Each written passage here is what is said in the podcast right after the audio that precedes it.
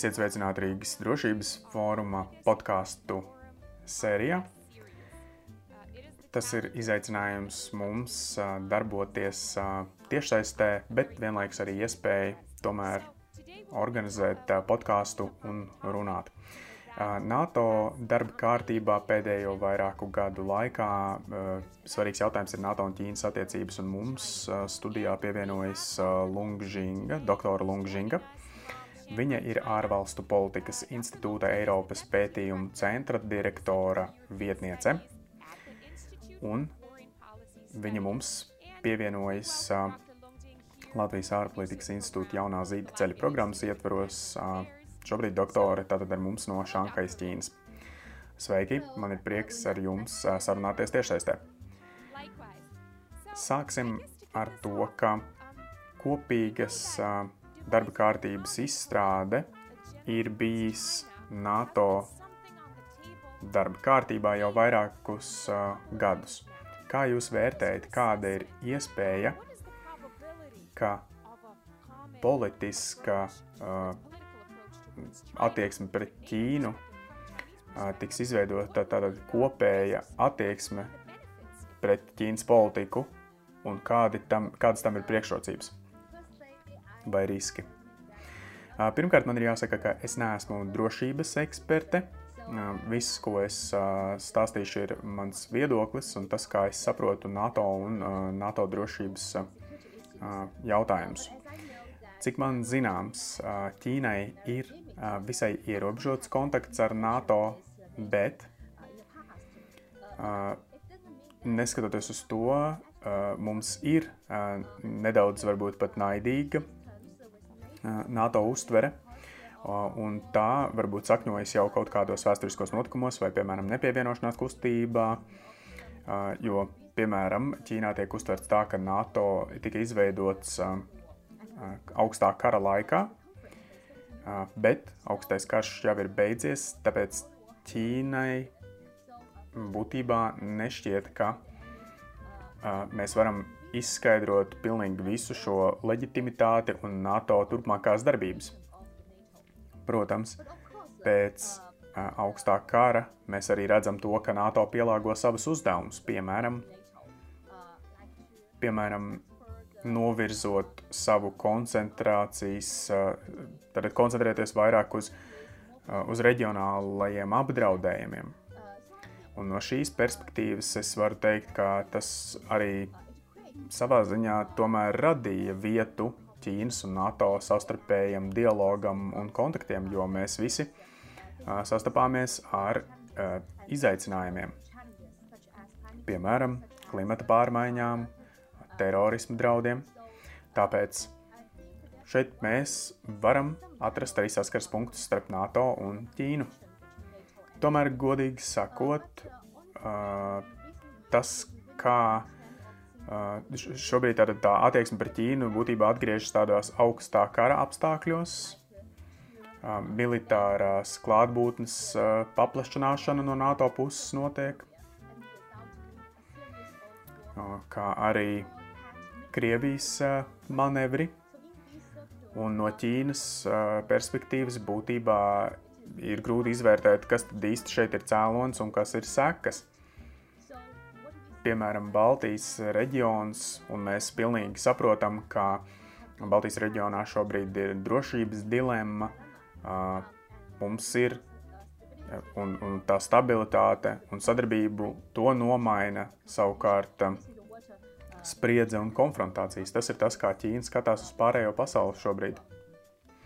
Un šeit es gribētu tad varbūt uzreiz pateikt par to, ko jūs pieminējāt, kas ir Baltijas valstu drošības dilema.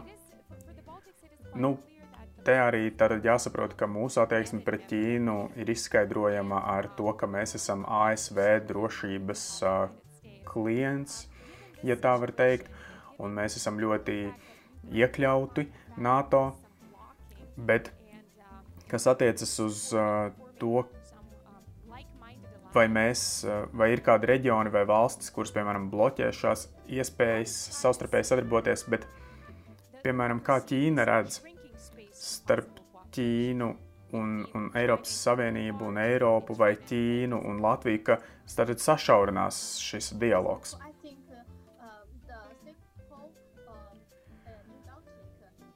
Baltijā šobrīd mm, mēs saprotam, ka Baltijas valstis un, un Krievija, jūs esat kaimiņu valstis, un šobrīd uh, tas apgrūtina savstarpēju sadarbību tieši reģionā, jo tā ir papildu spriedze un nedrošība tieši reģionā. Taču vienlaikus tam ir arī sekas sadarbībā starp Ķīnu un Baltijas valstīm. Mēs arī pamanām, ka visas trīs Baltijas valstis ļoti koncentrējas uz drošību, kas nozīmē, ka valstis ne tikai koncentrējas uz, uz savas teritorijas apsargāšanas drošību, bet dažkārt pat jau ir runa par ekonomisko un investīciju vidi tieši reģionā. Un tas savukārt ietekmē investīcijas, biznesa attiecības ar Ķīnu. Un līdz ar to, piemēram, lielas investīcijas no Ķīnas tiek uztvertas kā kaut kāds drošības draudz. Kā mēs arī redzējuši, esam no, no visu trīs Baltijas valstu drošības situācijas ziņojumiem, ka, un mēs esam šokēti par to, ka esam atzīti par risku, ka Ķīna ir atzīta kā drošības risks Baltijas valstīs. Mums vēsturiski nav nekādu konfliktu konkrētajā reģionā, un viss, ko mēs vēlamies, ir ekonomisko sadarbību attīstīt, tāpēc, kāpēc visas trīs Baltijas valstis ir atzinušas to kā draudu, tas noteikti ir ietekmējis arī mūsu apusējās attiecības. Godīgi sakot, tā jau ir Eiropas Savienības kopējā pozīcija. Uh, Baltijas valstīm. Par mums, mēs jau, mums nav jautājumu par to, kam mēs piedaram, kāda ir mūsu identitāte. Mēs, tad, tas to var izskaidrot. Mans otrais jautājums ir, un tas, protams, ir acīm redzams jautājums. Es, esmu droša, ka jūs varēsiet pakomentēt, piemēram, Baidena prezidentūra Daudz kas no tā, ko jūs iepriekš arī stāstījāt, piemēram, tirdzniecības karš ar Ķīnu, tas ir saistīts ar Trumpa prezidentūru, kas viss ir ietekmējis ASV un Ķīnas attiecības, strateģiskais trīs stūris ASV, Eiropa, Ķīna, katrs pats par sevi. Taču kā jūs nolasāt, ko var atnest šajā spēlē nākamā prezidentūra? Mēs visi zinām, ka tirdzniecības kāri bija vērsti pret Ķīnu. Tas ir bijis arī drošības draudz visā pasaulē. Vispār Trumps pats ir bijis šāds drošības draudz. Un viņš ir arī aicinājis pievienoties cilvēkiem tādai kā pret Ķīnas aliansē, kā arī ierobežot Ķīnas attiecības ar citām valstīm. Es domāju, ka Baitena kungs, kad viņš stāsies amatā, viņš pavisam noteikti izmainīs iepriekšējās politikas, un es nedomāju, ka viņš izspēlēs šo augsto tarifu kārti, ko izdarīja Trumpa kungs tirdzniecības kāru apstākļos. Tomēr Galvenais mērķis tik un tā būs ierobežot Ķīnu, pasargāt savas priekšrocības, ekonomiskās un drošības jomā, un drošība kā temats būs arī šīs administrācijas kārts, un arī sadarbībā ar citām valstīm noteikti izpaudīsies. Kas attiecas uz drošības riskiem un apdraudējumu, Kā jums šķiet, kas varētu būt 21. gadsimta lielākā problēma starp ASV un Ķīnu?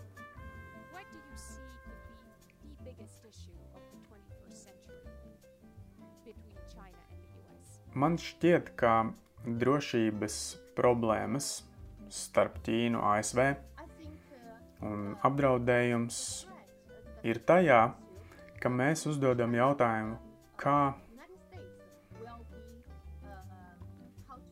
Nu, jautājums ir, kā ASV saglabās savu dominējošo pozīciju pasaulē. Man, man nešķiet, ka mūsu starpā ir tieša kaut kāda drošības problēma savstarpēji, bet tas jautājums būs plašāks, jo ASV koncentrēsies uz savām priekšrocībām, ekonomiskajām spējām un ietekmēs situāciju dažādās pasaules vietās. Mēs sākām ar to, ka NATO uh, vēlas uh, izveidot kopēju politiku starp visām dalību valstīm attiecībā pret Ķīnu. Un nav jau tikai uh, runa par uh, dalību valstīm, bet arī par Austrāliju, Dienvidkoreju un citām tātad līdzīgi domājošām valstīm vai valstīm ar līdzīgām, nu, līdzīgu nostāju. Bet kā Ķīna uz to skatās un vai tas kaut kādā veidā nenoved pie tā, ka Ķīna arī vēlas, piemēram, apvienot uh, savas uh, domas un idejas ar kādām valstīm ar līdzīgu nostāju, bloķējot, piemēram, kādas um, programmas. Un šajā gadījumā gan es gribētu vairāk, protams, pievērsties kolēģiem no Eiropas un vispār izskaidrot, ko nozīmē valstis ar, līdzīgām, ar līdzīgu nostāju ekonomiskajā, sociālajā attīstībā un ekonomiskajā attīstībā un kāda varētu būt diplomātiska pieeja, piemēram, kaut kādu problēmu risināšanā, jo man šķiet, ka, piemēram, ar Franciju, Vāciju, Eiropas Savienību, Ķīnai ir ļoti labas attiecības, bet ko nozīmē valsts ar līdzīgu nostāju? Tas ir vienādas vērtības, tās ir līdzīgas politiskās sistēmas. Un, un šeit mēs atkal atgriežamies pie augstā kara apstākļiem. Tas ir ļoti bīstami. Trumpa administrācija un viņu ide, ideoloģija bija pārliecināt citas valstis, sekot viņu piemēram un mēģināt ierobežot Ķīnu, pasargājot tādā veidā, saglabājot savu dominējošo pozīciju konkrētos reģionos. Es nedomāju, ka tas ir palīdzējis risināt kaut kādas globālas problēmas,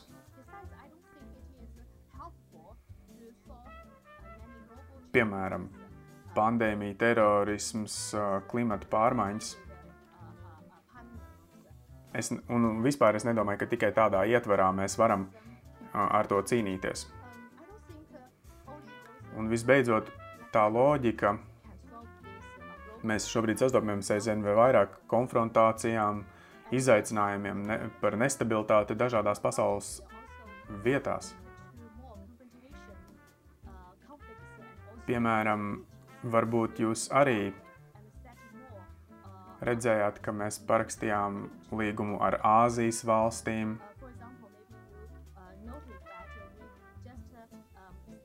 Un tādējādi mēs uh, mēģinam integrēties ekonomiku ziņā ar Japānu, ar Koreju, Dienvidāzijas valstīm. Manuprāt, tas ir ļoti svarīgs solis ekonomiskajā integrācijā, un tas stimulēs ekonomikas attīstību visā pasaulē. Man šķiet, un ir jāsaka, ka tās valstis ar līdzīgu nostāju tad arī pierāda šādu, šādu nepieciešamību vispār stimulēt ekonomiku, izmantot mūsu stiprās puses ekonomikas attīstībai. Bet ASV arī izmanto ideoloģijas un vērtības, lai pārliecinātu Āzijas valstis eh, pievienoties pret Ķīnas aliansai. Es nedomāju, ka tas eh, varētu nostrādāt, jo man šķiet, ka ļoti svarīgi ir, ir ļoti svarīga ir ekonomiska attīstība reģionā šajām valstīm, un Ķīna ir svarīgs partneris vis, visos šajos procesos.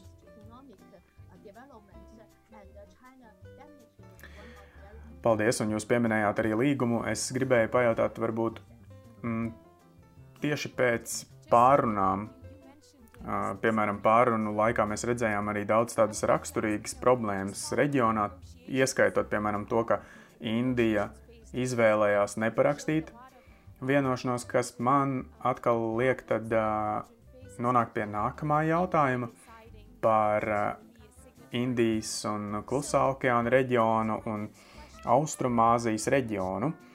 Piecas no astoņām oficiālām kodola valstīm uh, atrodas tur. Sestās kodola valsts ASV uh, klātbūtne tur ir ļoti jūtama.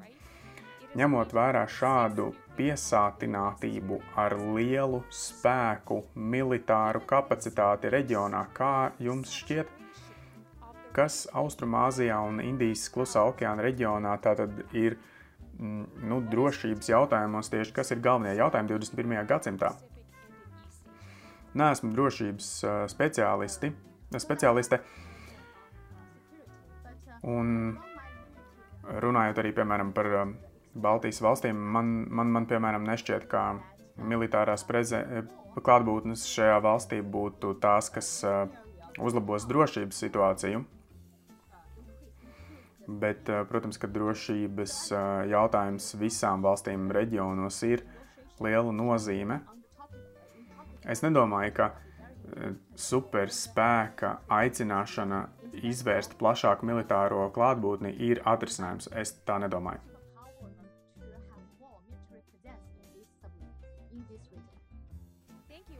Tagad atgriezīsimies pie tā, ko, kur jūs tātad esat speciālisti. Protams, jūs esat speciālisti ļoti daudzās lietās, bet lielākoties, un kā jūs esat minējusi, jūs koncentrējaties uz uh, Eiropas un Ķīnas attiecībām. Mans jautājums ir, ņemot vērā mm, aicinājumu izstrādāt kopēju politiku attieksmē pret Ķīnu, tad kāda būs Ķīnas uh, Ķīnas stratēģija. Ķīnai ir ļoti spēcīgas kaut kādas divpusējās attiecības. Viņiem patīk eh, savstarpēji vienoties ar katru konkrētu valsti. Tā ir tāda lielas valsts diplomātijas loģika. Bet kā jums šķiet, kā Ķīna reaģēs?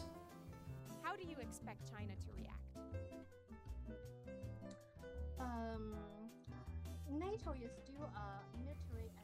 NATO ir militāra un politiska apvienība, tā ir atšķirīga no Eiropas Savienības. Tāpēc es uzskatu, ka Ķīna turpinās uzsvērt attiecību attīstīšanu tieši ar Eiropas Savienību un, protams, ar citām valstīm. Un, manuprāt, viens no svarīgākajiem soļiem būs iespējamā vienošanās par investīciju programmām,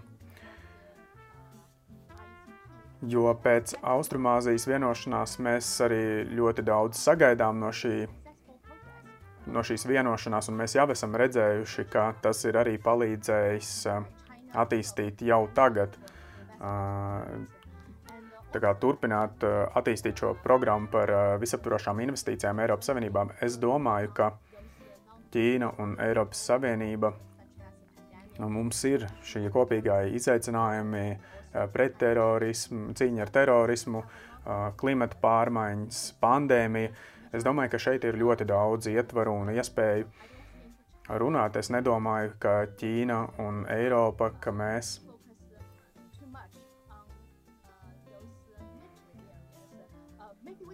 Es domāju, ka mums varētu būt dialogs lūk, dažādu problēmu risinājumā, un, un mēs arī tādā veidā veicinātu savstarpējo izpratni, sapratni un arī ekonomiskajās jautājumos mūsu sadarbība būs aizvien svarīgāka.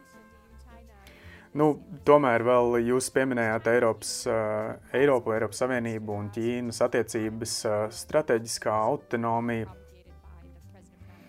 Strateģiskā autonomija, ko prezidents Makrons piemin visvairāk, kā, jūs pret to izturaties? Kā, Ķīna pret to izturās? Nu, protams, zinātnieki Ķīnā ļoti daudz pievērš uzmanības šādam terminam un, un strateģiskās autonomijas domai Eiropas Savienībā. Idejai, es domāju, ka mēs, nu, mēs tikai varam to veicināt, palīdzēt tam, kā mēs gribētu, lai Eiropas Savienība būtu neatkarīgāka un spēcīgāka pasaulē neatkarīgāka no ASV ietekmes, jo, jo mēs nevēlamies Eiropu, kura seko ASV loģikai attiecībā pret Ķīnu, kad Ķīna ir uh, lielākais konkurents. Mēs esam noteiktās jomās konkurente, bet uh, mēs nu, neesam viens otram ienaidnieki. Es domāju, ka tur būtu arī jāstrādā pie šīs uztveres, un tā ir liela atšķirība. Un, un tur ir arī atšķirības starp to, kā Ķīna, eh, kādas ir Ķīnas attiecības ar Eiropu un kādas ir Ķīnas attiecības ar ASV. Tā ir arī lielākā atšķirība. Tāpēc kā attiekties pret Ķīnu, ir, tā arī ir daļa no mm, strateģiskās autonomijas Eiropas Savienībā. Tieši tāpēc mēs noteikti par to tikai būtu priecīgi, ja tā paplašinātos un mēs ļoti cieši uh, skatīsimies uz to, kā tas attīstās Eiropā. Paldies, doktore Lunga. Ar jums runāt šodien bija ļoti patīkami un paldies jums visu jums labu. Paldies! Šo divu sarunu laikā ar doktori Lungjingu no Šanhajas ārpolitikas institūta un doktoru Maiklu Robertu Oslendu no Hoovera institūta Mēs dzirdējām līdzīgus atslēgvārdus, bet arī uzklausījām dažādus pasaules redzējumus. Tas liek uzdot jautājumu, kas ir šī līdzīgā nostāja, kur ir kopīga dažādām valstīm, vai šo valstu sabiedrībās ir līdzīgas vērtības, vai tās ir sabiedrības ar kopīgām interesēm. Kāda ir nozīme retorikai, ja tam nesakot darbības? Tas ir vēl viens jautājums, uz kuru mēģināja atbildēt runātāji un ar šo problēmu saskarsies mūsu pasaule nākamajās desmitgadēs. Ir skaidrs, ka starptautiskie noteikumi, uz kuriem balstās mūsu sistēma, kuri garantē stabilitāti, mainās. Vai tas būs augstais miers vai karš ar bruņotām sadursmēm starp ASV un Ķīnas Tautas Republiku, mēs nezinām. Mēs redzam, ka mazām valstīm kā Baltijas valstīm svarīgākās ir kopienas.